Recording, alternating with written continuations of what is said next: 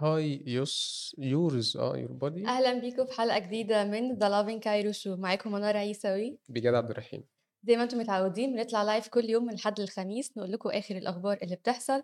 ولو الحلقة فاتتكم تقدروا تشوفوها تاني على يوتيوب Lovin Cairo تقدروا تسمعوها على الكل بودكاست platform أبل بودكاست جوجل بودكاست أنغامي وسبوتيفاي تقدروا تعملوا لنا mention و like و share في كل حاجة بننزلها وأي حاجة أنتوا عايزين تشاركوها معانا. آه، عامل إيه بجد؟ الحمد لله. انت أخبارك إيه؟ بجد يا جماعة بفكركم تاني بيطلع معانا كل يوم اتنين. استنوه. بيطلع معانا كل يوم اتنين فاستنوه لو عايزين تتفرجوا على الحلقة أي عنصر ذكوري في ال... في, ال... في ال show ده اللي مليان الحلقة كله عناصر أنوثية مش أكتر. ليه امبارح طلعنا مصطفى على فكرة. ده كانت صدفة. بس كان على فكرة أنا موجود في النيو في ال... في ال... في ال operation في ال operation كله فأنا عارف هو مصطفى طلع إزاي. ال show ده كله كله نسويات. أنا عايز برضو أقول النقطة دي. لا إحنا بدأنا أهو نخلي فيه جانب آخر من ال show الجانب المشرق من ال show مشرق. متواضع جدا يا بجد آه، خلينا نبدأ بال headlines اللي معانا وخلينا يعني نقول لكم كده in brief in brief هنتكلم عن إيه؟ هنتكلم عن إيه بجد النهارده معانا خبرين عن غزة. آه، ليهم علاقة بغزة. الخبر الأول إن مصر قدمت آه، مذكرة لمحكمة العدل الدولية ضد الاحتلال. والخبر التاني ليه علاقة بوائل الدحدوح ومصر. والتالت مع منار. الخبر الثالث عن الحفلة الجميلة امبارح بتاعت الليالي المصرية السعودية. هنقول لكم برضو ال details بتاعتها للناس اللي ما اتفرجتش عليها أو يعني ما اتفرجتش عليها كلها. okay. خلينا نبدأ بأول خبر معانا. آه، أول خبر هو إن مصر قدمت مذكرة لمحكمة العدل الدولية ضد الاحتلال الإسرائيلي. آه، ودي خطوة كويسة جدا لأن دي تعتبر أول خطوة من دولة عربية ضد الاحتلال عموما بعد اللي بيحصل في غزة من إبادة جماعية. ال- الخبر أعلنه آه، ضياء رشوان اللي هو رئيس الهيئة العامة للإستعلامات آه، والمذكرة دي هت- هتشمل كام بوينت هي- هيبقى هم أساس ال- القضية آه، أول نقطة إن هي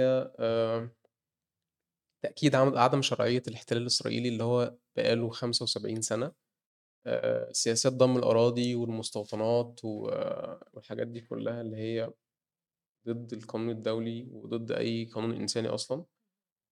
منها برضو تأكيد على حق تقرير المصير للفلسطينيين آه، ودي كانت أبرز النقط ال- اللي اتكلمت عنها المذكرة والمفروض آه، جلسة الاستماع بتاع المذكرة هتبقى يوم أر- 21 فبراير اللي هو اللي جاي. يعني إحنا بنتكلم في بعد بكرة.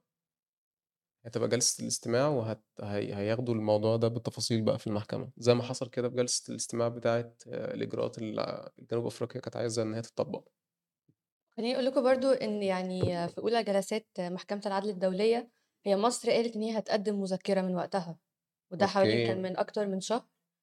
فأعتقد دلوقتي دي هي المذكرة اللي مصر قالت من شهر إن هي هتقدمها. ولكن كان في ناس بتتساءل طب إشمعنى دلوقتي؟ يعني ليه ما قدمناهاش وقتها؟ أعتقد ممكن هو كنا الموضوع كله بنجهز أصلا في حاجة غلط إن- إحنا ليه ليه استنينا ثلاث شهور؟ يعني أربع شهور. أربع شهور من؟ من بداية الحرب؟ آه.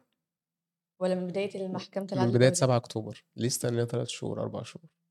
ليه استنينا 37 ألف شهيد يعني؟ مع كامل احترامي لكل لجنوب أفريقيا برضه. ما هو السؤال ده لكل الدول اللي هي بتساند ال... ال... القضية. إحنا ليه استنينا ثلاث شهور؟ مع إن من أول يوم كانت استنينا يعني عشان كان في ناس كتير فاكرة إن الأوضاع هتهدى إن الموضوع مش هيستمر أنا من يوم شهور أنا من أول يوم أنا بصي ال- الحروب اللي عملتها اللي عملها الاحتلال الإسرائيلي ضد غزة كانت بمستوى أقل من كده مش بالوحشية دي خالص. من أول يوم وكان باين إن في وحشية في الهجوم كان باين إن هما بيعملوا كده بحيث إن هما ما يخلوش الفلسطينيين يفكروا ي... يفكروا في 7 أكتوبر تاني. هما هيهدوا غزة بحيث إن أنت ما إن هي ما تتكررش. تتهلك إن أنت تبني اللي اتهد تاني. لو هما سابوك أصلا يعني. ما هو ده كان اللي باين من بس يوم. أنت بتقول دلوقتي ليه استنينا بعد آه، تلات أربع شهور خمس يعني شهور أصلا من المفروض الحرب. المفروض من بعد آه، من بعد الهجمات بتاعت الهجمة بتاعت مستشفى المعمداني كنا كنا خدنا قرار واضح صح وقرار صح فعلا. لأن أنت بتتكلمي إن هو بغارة واحدة بس قتل آه، يعني 500 تقريبا أو 600 شهيد آه، وأكتر من أكتر 1000 مصاب. أكتر أيوه.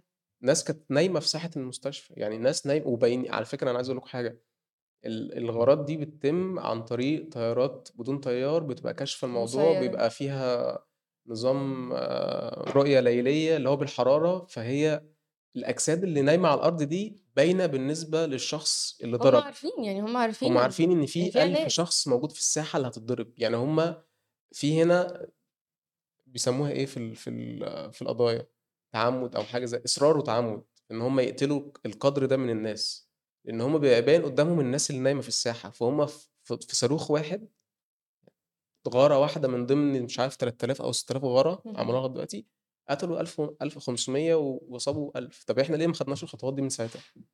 كان مليون في المِيّة كانت هتقلل الأضرار اللي هي دلوقتي بتقل، لإن إحنا إحنا شايفين طبعًا إن بعد آآ آآ محكمة العدل إسرائيل خدت نهج أقل حِدة شوية، يعني إحنا كان بيستشهد كل أقل حِدة يوم بس يعني خلّيني أقول لك هي برضه محكمة العدل ما طالبتش بشكل صريح وقف هي ما إطلاق النار من طلبتش الجانب بس الإسرائيلي يعني، ف بس خلّينا برضه ن بالأرقام بعد اللي حصل محكم بعد محكمة العدل، إسرائيل بدأت تاخد نهج أقل حِدة شوية، إن هي مثلًا هو still واحد زي مليون، بس الأول إحنا كنا كلنا متخاذلين وكلنا ساكتين وبي بيستشهد 600، 500 يوميًا،. يعني كان بيوصل ساعات اليوم 1000 شخص بيموت، وساعات إن هم مثلًا بييجوا يضربوا مربع سكني، المربع سكني مليان نازحين، فبيستشهد 1000. ده زي ما حصل في رفح. وفي جباليا، يعني جباليا مرّة يعني هم في في في في غارة مشهورة أوي قتلوا فيها قيادي في حماس، لمجرد إن هو موجود في مرب مربع سكني، وهم قصفوا المربع السكني كله، 8 مباني مليون مليانة بنازحين، يعني دلوقتي الشقق في غزة مش فيها 5، 6 لأ الشقة بيبقى فيها 60، 70. يعني أكيد كل ما ما تلاقي مكان آمن شوية يعني كنت تلاقي فيه تجمعات. إحنا ما كناش المفروض نستنى كل ده، لإن كانت ال كان عندنا material موجودة ال material في اهم. أعداد ماتت، في في في صور، هم ذات نفسهم الجنود الإسرائيليين كانوا بيصوروا وبينزّلوا على السوشيال بتاعتهم، لدرجة إن في جريدة قريب آآ جريدة إنجليزية مش فاكر تقريبًا نيويورك تايمز أو حاجة زي كده، تتبّعت 30.000 فيديو الجنود الإسرائيليين نزّلوه خلال من 7 أكتوبر لغاية دلوقتي، وهُم بيتباهوا باللي بيحصل في غزة. عدد ال material بن من جهاتنا موجودة، وmaterial من جهاتهم موجودة ومباحة، وهم أصلًا بيصدّروها، بيصدّروها عشان إحنا نخاف، وعشان الفلسطينيين يفقدوا الأمل. فالحاجات دي كلها كانت موجودة، ليه استنينا 3 شهور، ليه استنينا دلوقتي أنتِ بتتكلمي على فكرة إحنا مش مش 28.000 بس ال اللي استشهدوا.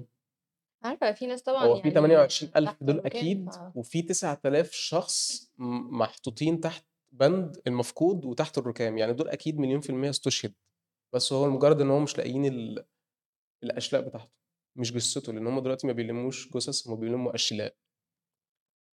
فالم التوقيت غلط وم التوقيت غلط، ولكن هي لي إيجابية يعني. هي خطوة التوقيت إيجابية ممكن يكون متأخر شوية، هو بس هي خطوة اتعلق. بقشاية زي ما بنقول كده، بس هي القشاية جاية متأخر يعني، وبالذات من دول عربية. okay. يعني أول قشة جات من دولة ما ولا عربية ولا أصلًا. هي جنوب أفريقيا، لمجرد إن هُم يعني أكتر دولتين بي بيساندوا القضية الفلسطينية دلوقتي هي أيرلندا، جنوب أفريقيا، لإن الاتنين عانوا من الأبارتايد وعانوا من ال الفصل العنصري، بالضبط. وأيرلندا عارفة يعني إيه احتلال، لإن أ أنتِ لو جيتِ برضه على فكرة بالنسبة لموضوع جنوب أفريقيا وأيرلندا، إيه؟ أُس الفساد فين؟ في الدولتين في اللي حصل؟ بريطانيا.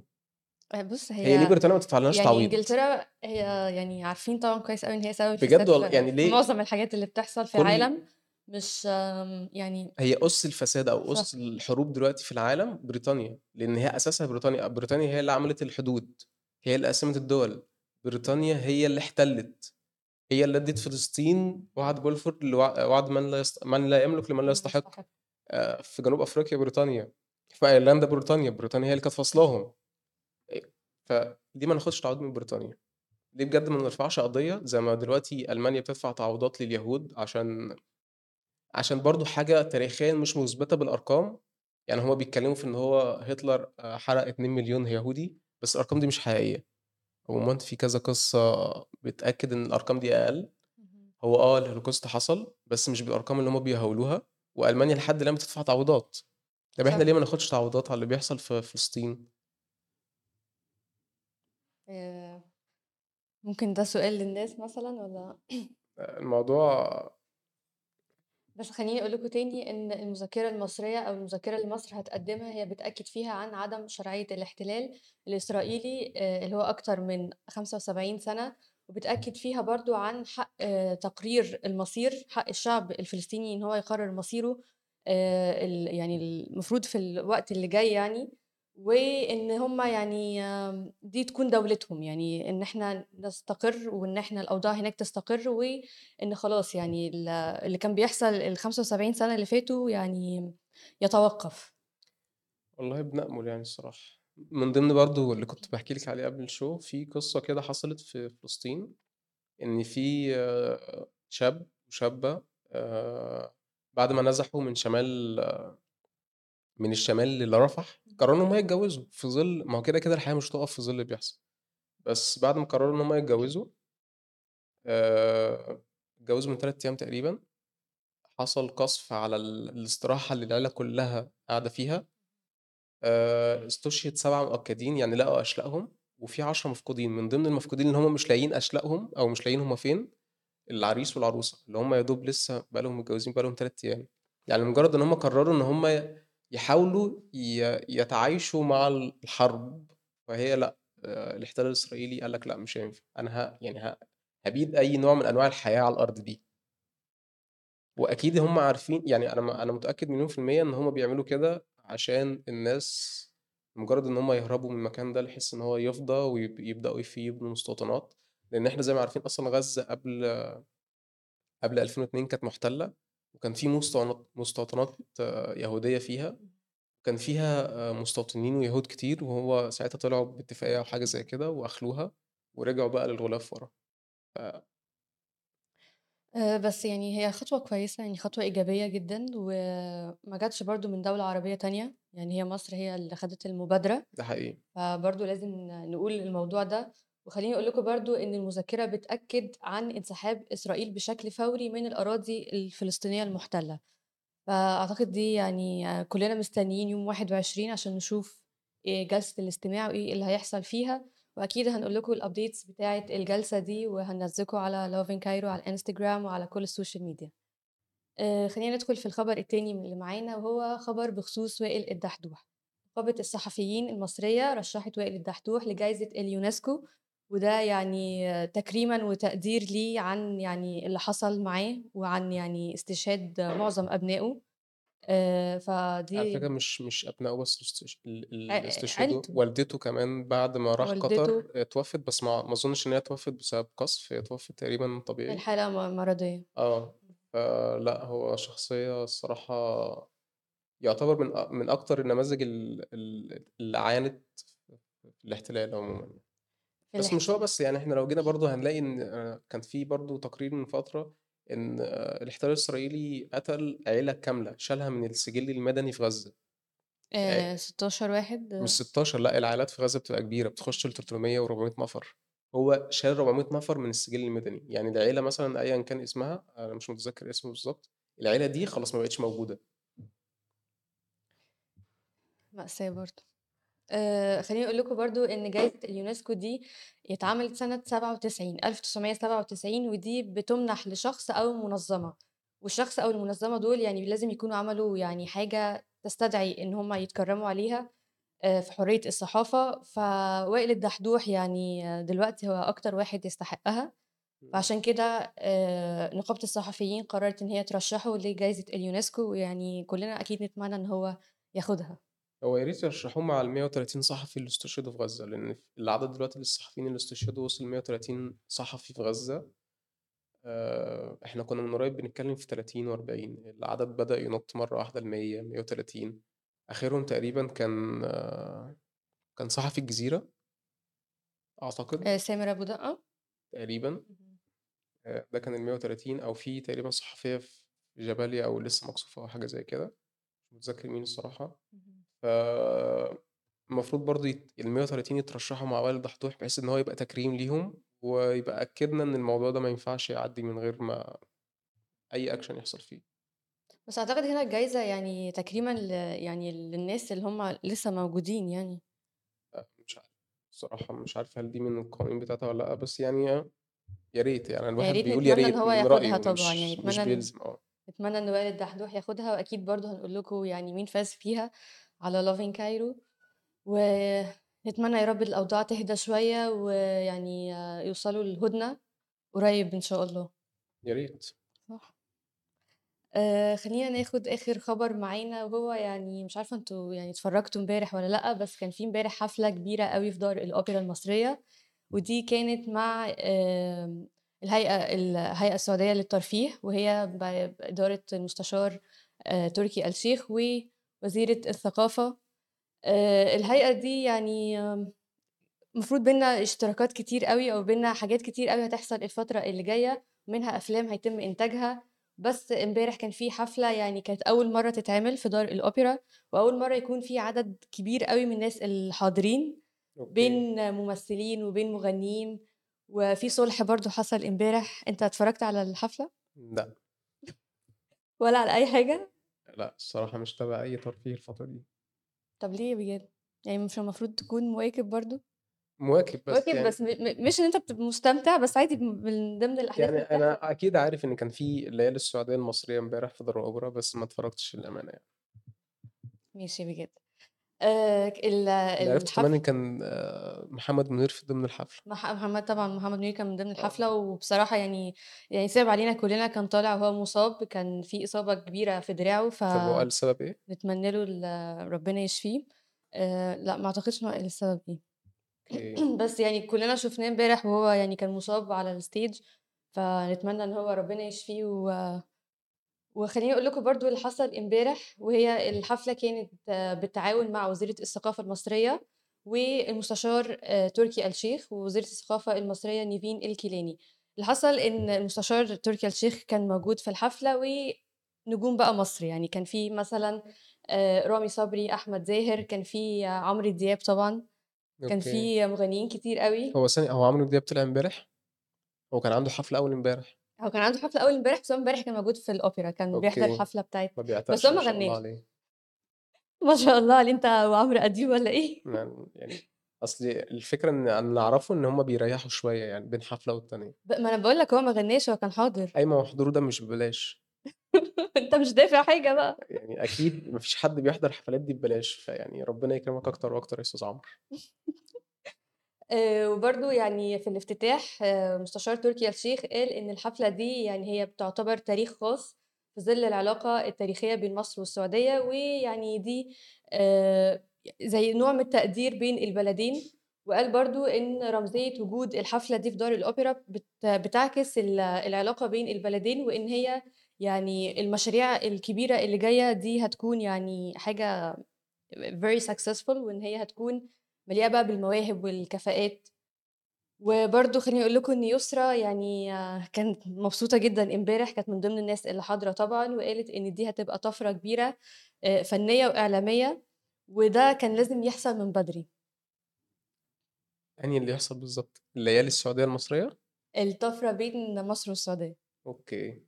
فيعني معظم النجوم إمبارح كانوا يعني بيعبّروا عن قد إيه هم آآ مبسوطين من حاجة زي كده، وشايفين الخطوة دي هو شيء إيجابية. متوقع عمومًا يعني كده، كده من لإن تركي الشيخ برضه استثماراته كتيرة. استثماراته كتيرة، والفترة اللي جاية هنعمل حاجات كتير أوي بين مصر والسعودية. آه، أوكي. بس خلّيني أقول لكم الحاجة كانت very interesting امبارح، إن يعني كان في صُلح بين عمرو دياب وعمرو مصطفى، هو كان في مشكلة بينهم وكان في أصلًا؟ م مشاكل بينهم، كان في مشاكل بينهم طب وإيه يعني المشكلة؟ بقى لها سنين، يعني آمم حاجات عن الأغاني يعني، اللي هو أنت غنّيت دي، لأ المفروض دي كانت متوجهة لحد تاني، حاجات زي كده. أوكي، أصلًا ال ال اختلافات اللي شوية ما كانت يعرفش عمرو بينهم. مصطفى أصلًا هو الملحن الأساسي بتاع عمرو دياب لفترة معي لفترة كبيرة جدًا، بالضبط. يعني فترة شبابي كلها اللي هي مثلًا من 2005 لحد 2015 كان عمرو عمرو مصطفى هو الملحن الأساسي لعمرو دياب، صح. وتقريبًا اللي كن اللي كان معظم ال ال المغنيين المصريين، وده برضه أنا خ يعني دي معلومة اتفاجئت بيها أمّا كبرت، يعني أنا كنت فاكر عمرو. مصطفى مجرد مغني، لأ، بس إن هو كان. بيلحن لعمرو دياب، تامر عاشور، آآ عمرو آآ عمرو جمال تقريبًا، عمر جمال ما أعرفش اسمه إيه. آآ مين؟ حاجة جمال، مش فاكر اسمه. رامي؟ رامي؟ رامي صبري، آآ فهو كان وفي بيلحّن رامي جمال. وفي رامي جمال فعلًا، فهو تقريبًا الملحّن الجوكر بتاع أي مغني في مصر. هو أعتقد عم يعني عمرو مصطفى هو ملحّن قبل ما يكون مغني، ما أعرفش وهي ما يعني أفتيش. خطيرة، ألحانه بجد آه، هو أكيد واحد بيلحّن الناس دي كلها فأكيد خطير يعني ما بس كان في مشاكل كتير بينه وبين عمرو دياب، فامبارح كان في صُلح بينهم وظهروا هُم الاتنين هُم يعني آآ بيحضنوا بعض وبيسلّموا على بعض، فدي أعتقد خطوة إيجابية، ممكن. تخلّينا نستنى بقى يعني حاجات تانية بينهم، صح؟ هو ال اللي أنا فاكره برضه من موقف عمرو مصطفى إن هو اتشهر أوي ساعة الثورة. آآ لإن هو تقريبًا كان ضد المظاهرات وضد الحاجات دي كلّها، فكان ليه جملة ساعتها مشهورة أوي م لغاية دلوقتي meme فدي من الأسباب اللي خلّت عمرو مصطفى يطلع على ال كانت فترة أوكي. كبيرة أوي.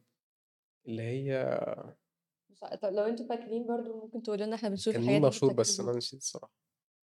أ كان meme مش لأ هو كان يعني كلمة منّه اتقالت في في في show معيّن فاتاخدت كmeme. أوكي. فلأ كان كان طلع على الstage فترة كبيرة أوي ساعة الثورة عشان توجهاته السياسية، لإن هي كانت ضد الثورة هو عمومًا. عمرو مصطفى عامةً عفوي أوي، يعني بيتكلم بكل تلقائية وعصبي أوي. وعصبي جدًا بس بيضحّك جدًا، يعني تحس وهو هو عصبي بس هو بيضحّك دي مش المفروض مش مواهبه كمغني، يعني المغني مش المفروض إن هو يضحّك. ما هو مش بيضحّك وهو بيغني، هو بيضحّك وهو متعصب. وبرضه كان في فيديو كان لسه ظاهر فيه من حوالي شهر، شهرين، آآ كان في نقابة الموسيقيين. آه، أمّا كان بيتخانق؟ ده كان بيتخانق على الأغاني بتاعة أم كلثوم اللي هي بالAI. آه. هو أنا أنا already شُفت الفيديو ده بس ما فهمتش هو بيتخانق هو مع والّا ضد؟ لأ، هم يعني كان المشكلة إن هم مش عايزين إن هو يعمل كده. أم كلثوم نفسها آآ المفروض إن هي عملت زي إن أنت اللي هو بتتخلّى عن أو إن أنت بتدّي like تصريح إمم. إن أنت عادي ممكن أي حد يستعمل الأغاني دي من بعدي. آه، دي ده قبل ما تموت يعني. قبل ما تموت. أوكي. يعني أنا بس افتكرت الوث ف الورثة أو حاجة زي كده هم اللي عملوا القصة دي. فالمشكلة بقى إن هي يعني الناس بتقول لأ، أنت مش المفروض تعمل كده وناس بتقول يعني هي نفسها مطلّعة التصريح ده. يعني مدّية أوكي. ال ال consent إن أنت تعمل اللي أنت عايزه، فهو عشان كده كان بيتخانق. بس بس هو كان عصبي أوي في الفيديو ده. هو كان عصبي جدًا بصراحة في الفيديو ده، دي حقيقة. بس بصراحة يعني خطوة إيجابية أوي إن هو يحصل صُلح بينه وبين عمرو دياب، لإن هو كانوا مقاطعين بعض ب يعني بقى لهم فترة، فترة كبيرة okay. سنين، و وهُم ألحانهم مع بعض كانت خطيرة يعني، فأعتقد ناس كتير كانت مستنية تشوف الصُلح ده، وإن هو حصل امبارح. حلو. ربنا يهدي سركم يا عمرو أديب عمرو دياب وعمرو عمرو أديب. دي كانت كل الأخبار اللي معانا النهارده، لو فاتتكم الحلقة تقدروا تشوفوها على يوتيوب Lovin Cairo تقدروا تسمعوها على الكل بودكاست، أبل بودكاست، جوجل بودكاست، أنغامي وسبوتيفاي. تقدروا تعملوا لنا mention في أي حاجة بتحصل في كايرو وإحنا أكيد هنشوفها وهنرد عليكم. يا رب يكون يومكم حلو باي باي